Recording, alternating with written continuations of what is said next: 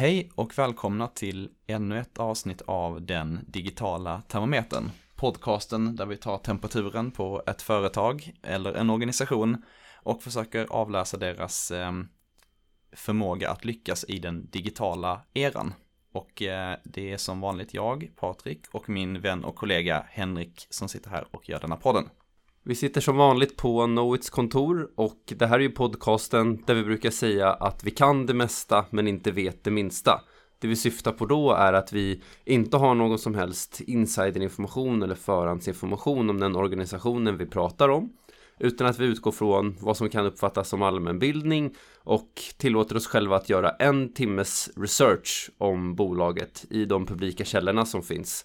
Här kanske vi ska lämna en brasklapp Patrik att vissa av de organisationer som dyker upp i podden har ju Knowit en relation till sedan tidigare.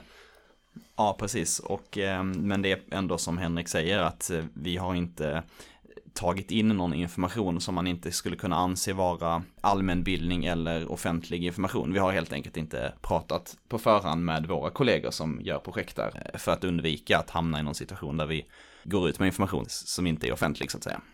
Bra, fick vi de, de legala aspekterna undan, undanklarade. Jaha, eh, i och med det är det dags att eh, titta ner i påsen och se vilken organisation vi ska dra den här gången. Yes. Patrik, du kanske kan dra. Jag drar en lapp. Och på den här lappen läser jag Scania. Scania. Patrik, är du en bilmänniska? Nej, verkligen inte. Jag är inte en teknikmänniska nästan skulle jag vilja påstå. Det stämmer ju såklart inte riktigt. Eh, nej, men eh, Scania, spontana reaktioner. Lastbilar och bussar tänker jag ju på. Ja, och såklart eh, Södertälje som de dominerar väldigt mycket som, som arbetsgivare och bolag. Exakt, och eh, varenda person man någonsin har lärt känna som har gått maskinteknik på någon av våra tekniska högskolor jobbar på Scania och designar växellådor. Det är min fördom. det stämmer såklart inte heller. Ja, men säkert nära. Eh, jag tänker också på moduler. Eh, jag minns faktiskt någon dragning som jag fick från Scania för 15 år sedan eller något. Där de pratade mycket om att de är duktiga på att dela upp sina produkter i massa små bitar och ha standardiserade gränssnitt däremellan. Man kan optimera var och en. Så jag hoppas att de fortfarande arbetar så.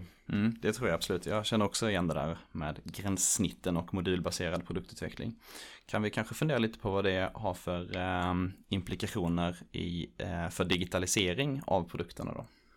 Ja, det där är ju mycket intressant. Okej, jag har ju, man ska tänka en fotbollsliknelse här då, med modul och sådär. Då för nog mina tankar till fotbolls-VM 2002. När eh, Sveriges lagkapten Patrik Andersson skadade sig i sista träningen inför premiären. Han var mittback. Och då spekulerades det vilt kring hur mycket man skulle distribuera om i laget för att hantera att Patrik Andersson försvann. Man hade nämligen båda ytterbackarna, Olof, Merbe, Olof Mellberg och Teddy Lukic, var egentligen mittbackar. Så det pratades om att ska flytta in någon av dem och ta in en ny ytterback och sådär. Eh, men det som då förbundskaptenen Tommy Söderberg valde att göra var att Ja, det gick ut en del i den här modulen mittback. Då sätter vi in en ny del i den här modulen mittback som hette Andreas Jakobsson och var jätteduktig. Eh, och det var, tyckte då att systemet och gränssnitten och tydligheten vi hade var viktigare än att kanske den absolut bästa mittbacken skulle spela mittback. Och jag tänker det har lite koppling till Scania kanske med det här eh, modultänket och tydliga gränssnitt. Ja, absolut. En annan sak som man ju tror sig veta om Scania, det är väl att de har någonting med Saab att göra. Eller hur? Ja, men det är väl samma logotyp typ, den här äh, gripen. Ja, exakt. Eh, om man då tänker eh, Saab är ju både försvars-Saab och det är ju bil-Saab. Och så finns det Scania. Så det är tre stycken av någonting där det verkar gå ganska bra för två, men lite sämre för en. Jag vet inte vad som är senast om eh, Saab automobil för övrigt. Men eh, de håller på att starta upp och ska bygga elbilar och grejer. Det är något kinesiskt företag som äger det nu. Jag tror också det eftersom de här holländarna eh, hade det en liten stund. Just det, Victor Müller. Men eh, det var i alla fall... Det om det kanske. Det är om det kanske. ja men eh, jag har ju lite friare svängrum i mina liknelser. Jag tänker att jag liknar ju det här vid vad som helst. Men vad är då, vad finns det för någonting som är tre, där det går väldigt bra för två, men väldigt dåligt för en? Hmm. Tror att vi landar i eh, regissör och manusförfattarduon Christopher och Jonathan no eh, Nolan.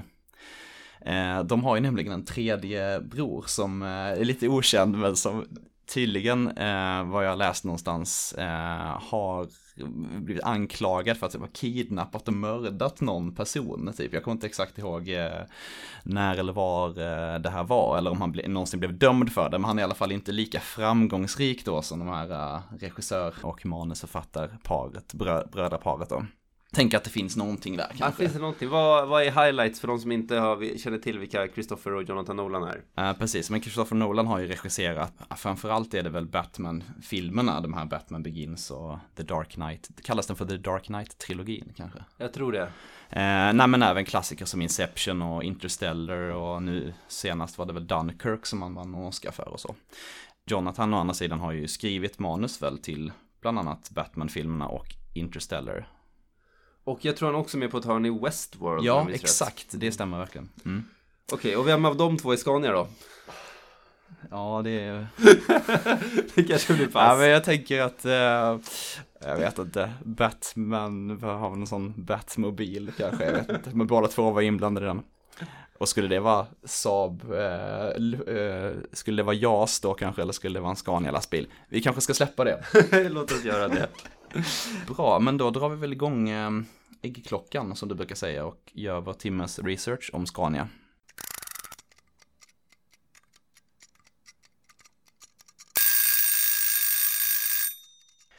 Okej, då har timmen gått och vi har blivit väldigt mycket klokare vad gäller Scania och digitalisering.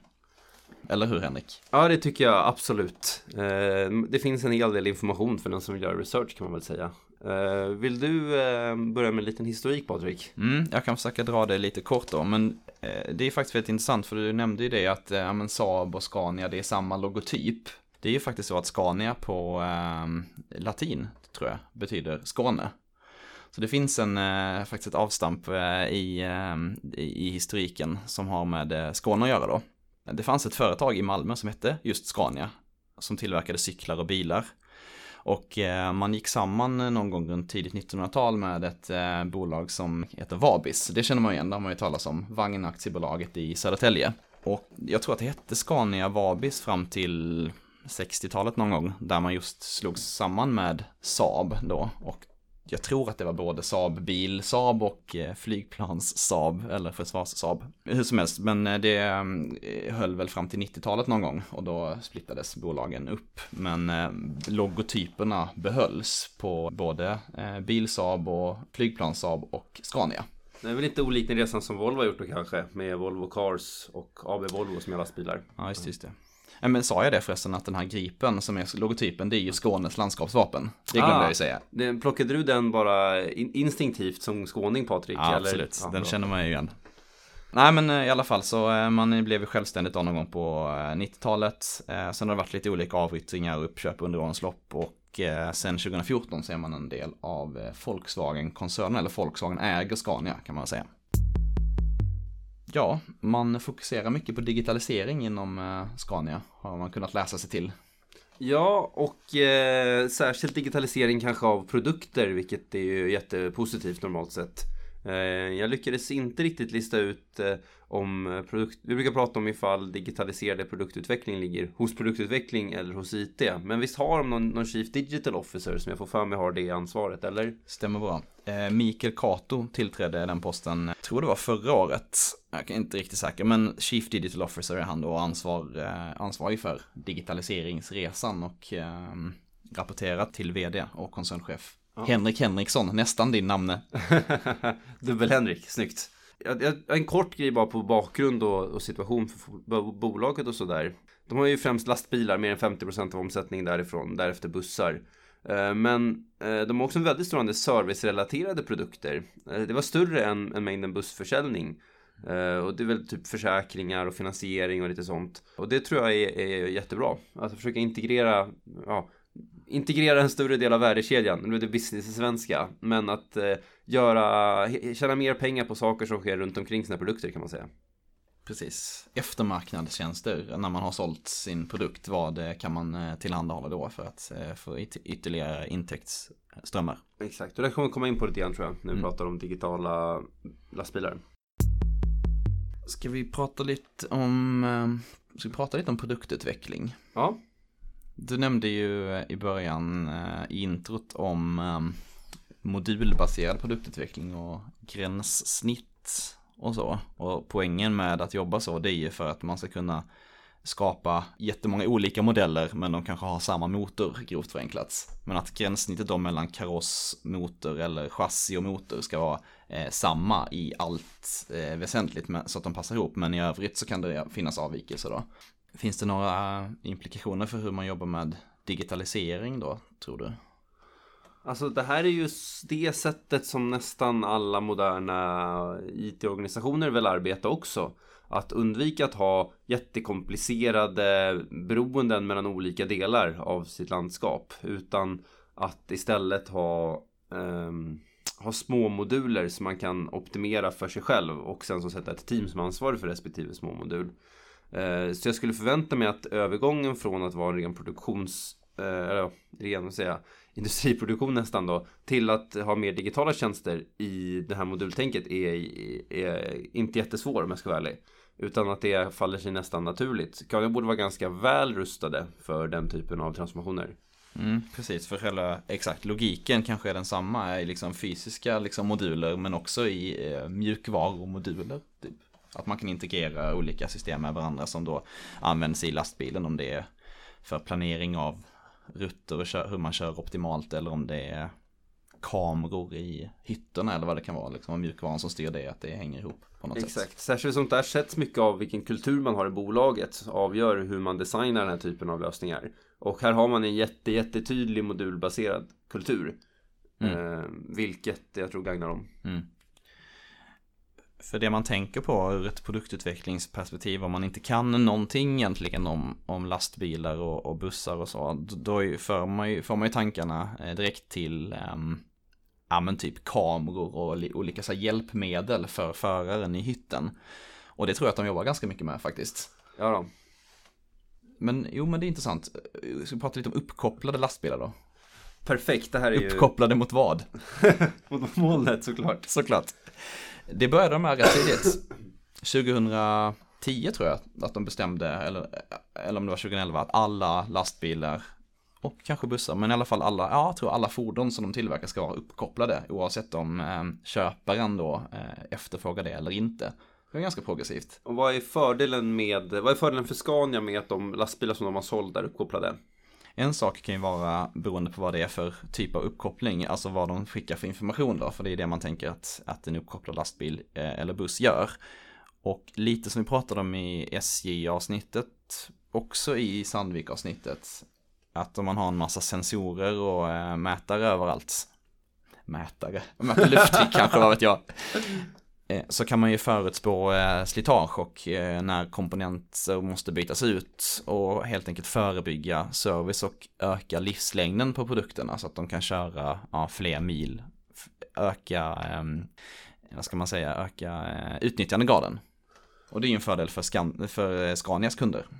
E, exakt, och det här kan ju potentiellt bli en fördel för Scania också. Att, och jag, tror, jag tror också att de gör det om jag inte missminner mig. Att man eh, försöker att inte bara sälja en lastbil utan att sälja en, en transporttjänst så att säga. Att kanske paketera ihop lastbilen och all service eh, och alla reservdelar och allting till, till en potentiell prenumerationstjänst till och med. Om man har kontroll ganska väl på, på servicebehoven.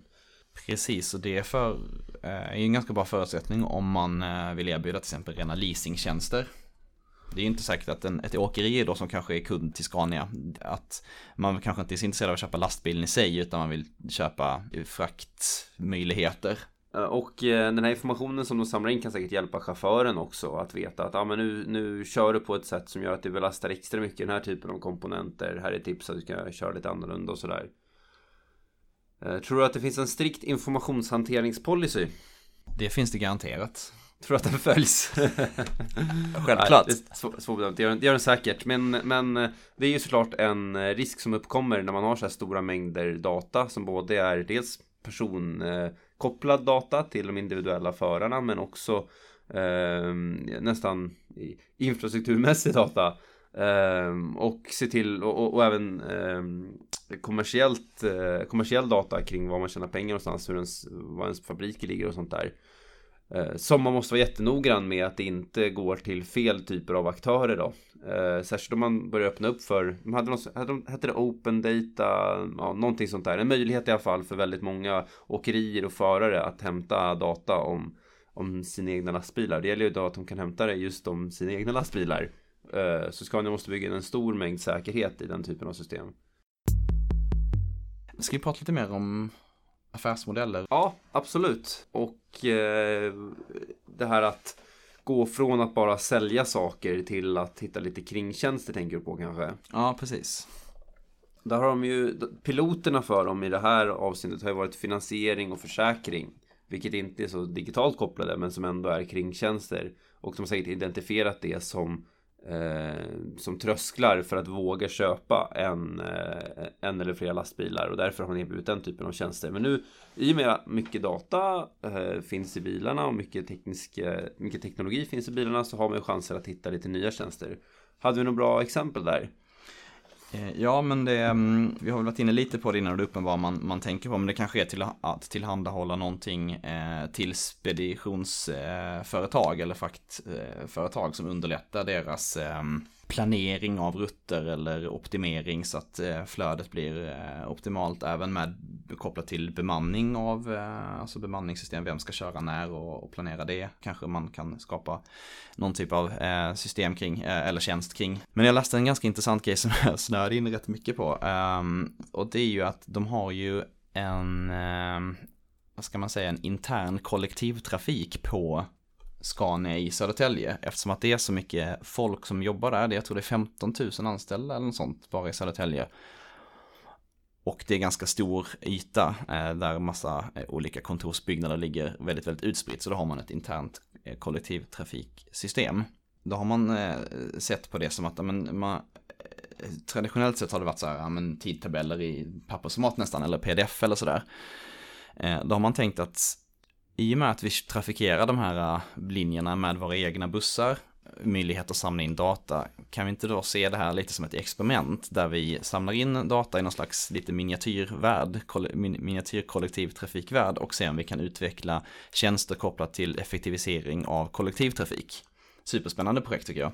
Verkligen. Och ser de det som då en potentiell framtida intäktsström antar jag? I att, eh, i att sälja till typ SL? Ja, men kanske för att eh, det finns ju, de hade till och med utvecklat en egen app då för Scania-anställda. Där borde man ju kolla med någon, eh, som jag sa i introt, man känner ju så himla många som jobbar på Scania, kan man ju fråga om, det har jag inte gjort.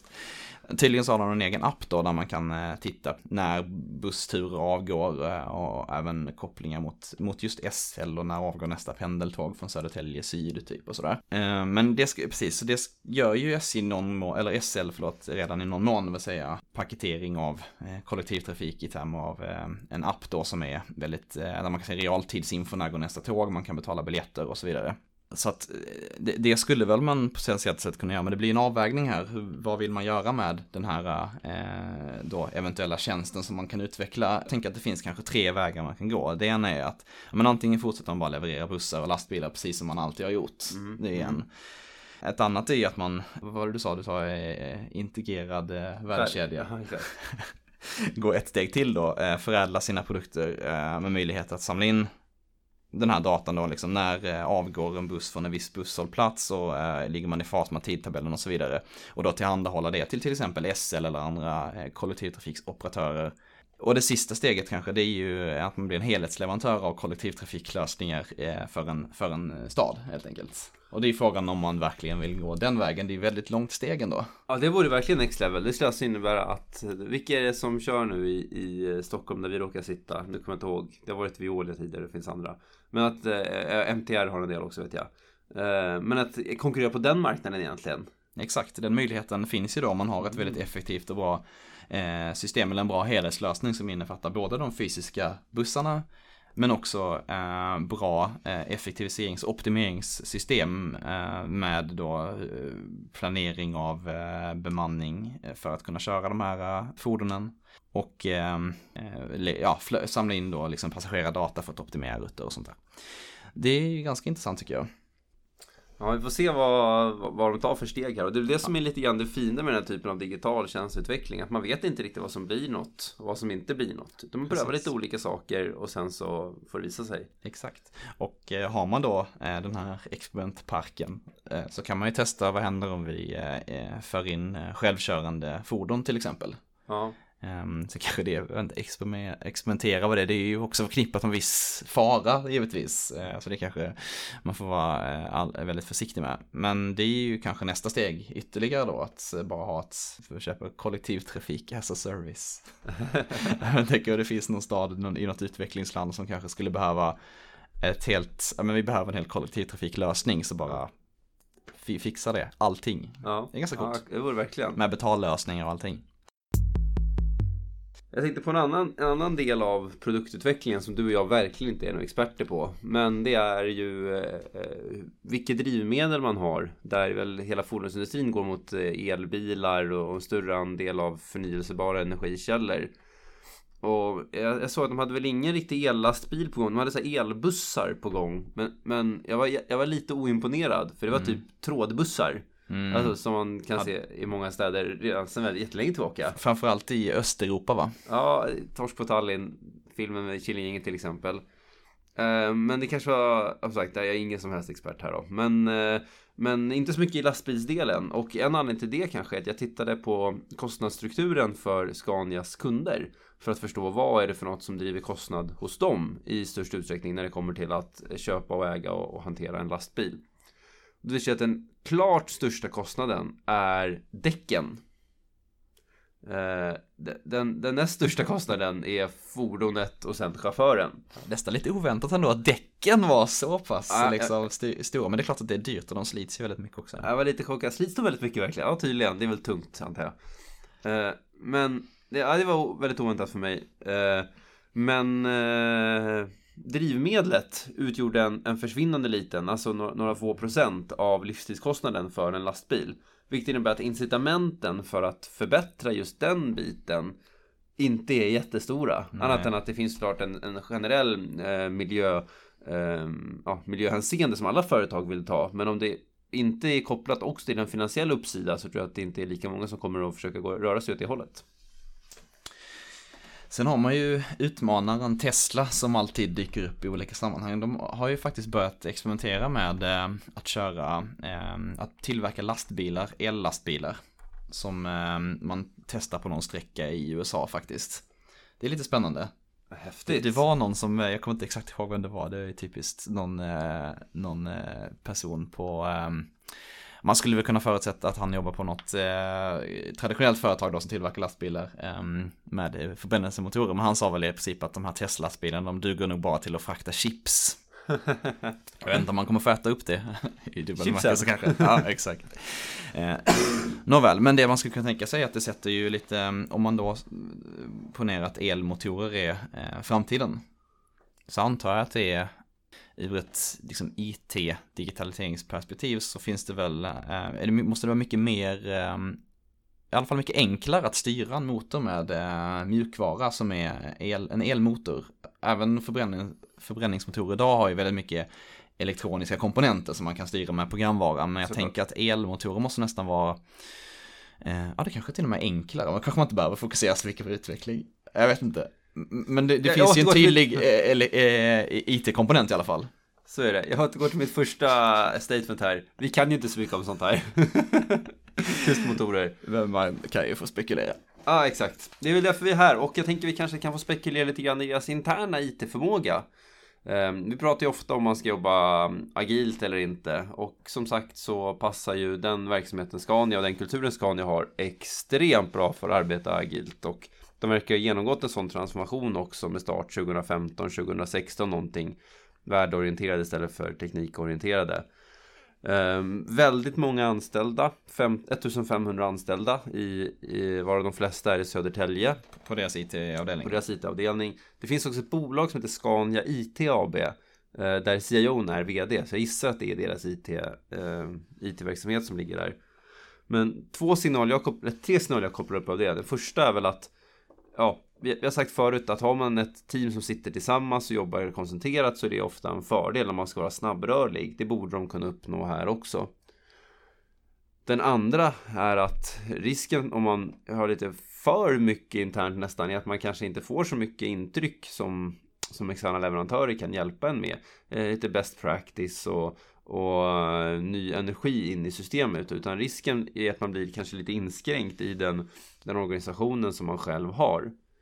Eh, vilket får mig nästan till det tredje. Eh, det fick att följa någon av utvecklarna här i en, i en blogg på hemsidan och pratade om att man körde flugfredag på fredagar.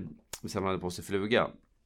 Och det är ju någonting som kanske signalerar att det är mest är män som arbetar där. Eh, de har ju ändå, ja, Scania som helhet har 25% kvinnliga chefer. Men eh, jag, jag tror att det eh, som kvinna kanske hade uppfattats som lite konstigt att man döper en dag efter ett plagg som, som inte alla kan ha. Jag skulle själv som man tycker konstigt om det var liksom nu är det, nu är det kjolfredag.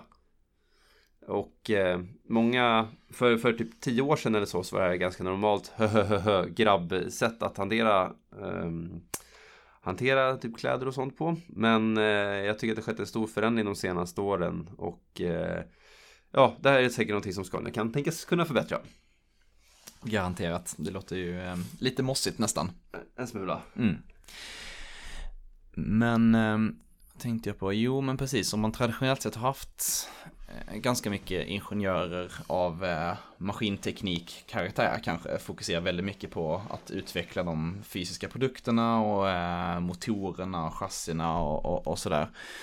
Då ställer ju också om man, digitaliseringsomställningen ganska stora krav på en annan typ av kompetens. Både kanske inom då IT, om det nu är eh, om de är ansvariga för del av produktutveckling eller inte, det vet jag inte, men i alla fall i mm. den typen av digitaliserings och IT mjukvarukompetens eh, får man ju liksom helt plötsligt en, ett an, helt annat behov av än vad man kanske haft för sig 10-15 år sedan i och med att allting, även då lastbilar och bussar blir mer och mer digitala. Det kanske är en utmaning som man har haft. Ja, det skulle jag kunna tänka mig eh, också. Eh, och å andra sidan kan man väl se, om man ser på det positiva sättet, det var, en ganska, det var ändå varit en transition på 10-15 år och de borde ha kunnat assimilera det här i sin, i sin kultur och i sitt arbetssätt ganska bra. Det jag funderar på det här med att, att ha ett eget bolag för IT som har en, en omsättning och en intäkt. Jag gissar att det inte är externa intäkter. Att man, det kanske det är, men det var ändå 1,8 miljarder, ganska mycket. Så jag gissar att det är snarare IT-kostnaderna som man har då nycklat ut till olika affärsområden på ett eller annat sätt. Och för mig signalerar det kanske lite mindre flexibilitet. Ehm, man brukar kunna prata om hur man fördelar IT-kostnader från å ena sidan jätterättvist men då också väldigt millimeternoggrant och det krävs väldigt mycket kontroll det vill säga varje gång som man som användare gör någonting med IT eller har en dator eller så så belastas ens, ens avdelning. Ja, man tidrapporterar och sen skickas en faktura i slutet av månaden. Typ Exakt. Till att, eh, och andra sidan spektrat så är IT bara en kostnad. Vi vet inte vart de här kostnaderna går någonstans, vilken verksamhet det stödjer. Det är bara en stor kostnadsplump. Eh, och såklart som oftast inte ligger någon av de här extremerna. Men Scania, om de har ett eget bolag för IT med egna intäkter och signalerar att de ligger ganska nära det här första vilket ofta, vilket skapar ofta en bra eh, ekonomistyrning och trycker ner IT-kostnader. Men också kan riskera att göra det hela systemet lite styltigt och, och suboptimerat om man optimerar på det som systemet råkar vara designat för snarare än vad verksamheten och bolaget bäst behöver. Ja, fast å andra sidan kanske det skapar en mycket tydligare affärsrelation mellan verksamheten och IT. Det är väl det som brukar vara motiveringen kanske till att man vill göra så här. Om man vill ha en tydlig affärsrelation Eller eh, ja. vill, vill, man, vill man se det som att här är en leverantör och en köpare? Eller vill man se det som att nu ska vi arbeta tillsammans? Men det kanske man kan göra ändå å andra sidan. Och tredje, vilken sida är vi på? Jag vet inte. Men, men att, eh, att vara duktig på att som beställare arbeta tillsammans med en leverantör är också en, en framgångsfaktor i digitaliserade världen.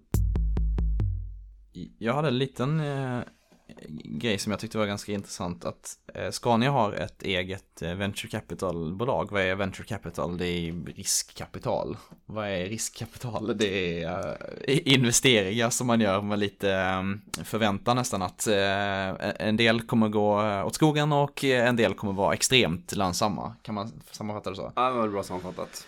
Hur som helst, Scania Growth Capital heter det här. Jag läste att de hade gjort någon, köpt upp något tyskt bolag, alltså någon typ så här eh, Berlin startup som heter Sender. Som är någon slags digital speditionsfirma. Jag förstår inte exakt vad det är de gör, men de har någon tjänst där de kopplar ihop olika ehm, ja, andras folk som har lastbilar och kör och fraktar saker mellan olika platser på något sätt. För att då eh, optimera det flödet eller någonting sånt där. Men det signalerar ju åtminstone att eh, dels att man har en liksom, progressivitet i att eh, investera i, eh, i den här typen av kanske lite mer eh, framåtlutade eh, företag då. Men också kanske att, att man inte har den kompetensen, man köper upp det för att till, fylla något hål som man kanske inte hittar något annat sätt att fylla än att köpa upp ett bolag. Till, så skulle det kunna vara. Jag tyckte det var, det var lite intressant i alla fall. Men det, det där är ju såklart en jättebra idé. Att försöka, det vi pratade om förut också, att experimentera, testa vad funkar, vad funkar inte. Och kanske då att eh, våga acceptera ibland att alla investeringar inte går hem och att man behöver eh, kanske inte lyckas med alla ens, alla ens investeringar så länge tillräckligt många gör det. Ska vi eh, ta temperaturen på Scania kanske? Absolut, och vi brukar ju då sätta från fryspunkt till eh, kokpunkt 0 grader till eh, 100 grader uppdelade på internt och externt. Och eh, vill du börja Patrik? Mm, det kan jag väl göra.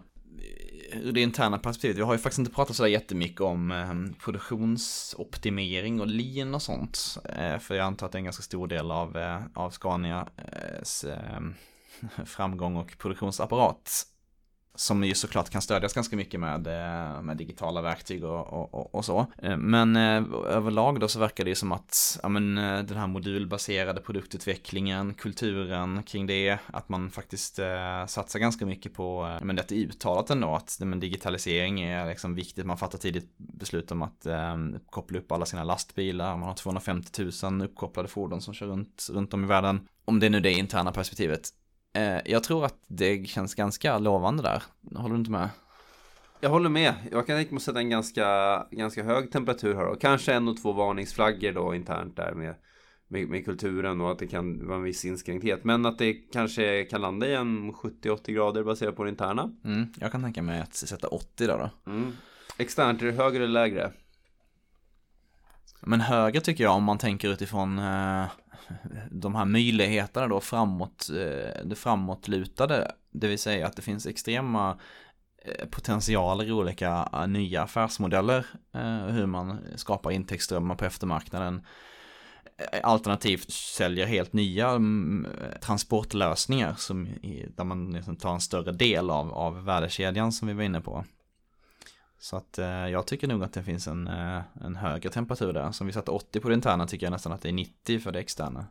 Ja, jag håller inte helt med för en gångs skull. Härligt. Eh, jag, jag, kan tycka att de kanske borde hunnit ännu längre i det externa. Och det kanske jag som är naiv till hur branschen fungerar, men bara det att det finns eh, inga uppgifter om pris för någonting på hemsidan, utan allting behöver gå via en säljare. Eh, och det är klart, köper man en helt ny lastbil då är det rimligt att man inte fattar det beslutet efter lite internet research och sen sätter upp sitt kreditkort. Eh, men jag skulle förvänta mig att det finns många kringtjänster och många kring eh, eh produkter som man skulle gott kunna köpa direkt med sitt kreditkort. Och det kanske finns en speciell portal för det här som man inte får tillgång till om man bara är en extern användare, vad vet jag. Men jag hade nog förväntat mig att det var lite mer eh, synligt från deras hemsida i alla fall. Eh, så jag är kanske inne på att externt, jag håller med det finns potential men jag skulle vilja att de hade hunnit längre. Så jag kanske är inne på att det ska vara lite lägre än 80. Men då kanske vi ska enas om att det är 80 i genomsnitt här då. Eller vad tror du? Ja, marknaden är väl inte redo för de här extrema liksom, mobilitetstjänsterna och sådär än. Nej, men jag kan köpa det. Det var väl ett rimligt resonemang. Ska vi säga 85? Jag ger mig. okay. 85. Härligt. Då tycker jag att vi rundar av här. Eller du tänkte säga något annat? Ja, jag tänkte bara påminna om att ifall man har någon eh, någonting som man vill säga till oss, mig och Patrik, så kan man höra av sig till den digitala termometern at gmail.com Alternativt kontakta oss på LinkedIn där det brukar ibland förekomma ganska intressanta debatttrådar efter de här äh, podcastinläggen. Tack för att ni har lyssnat.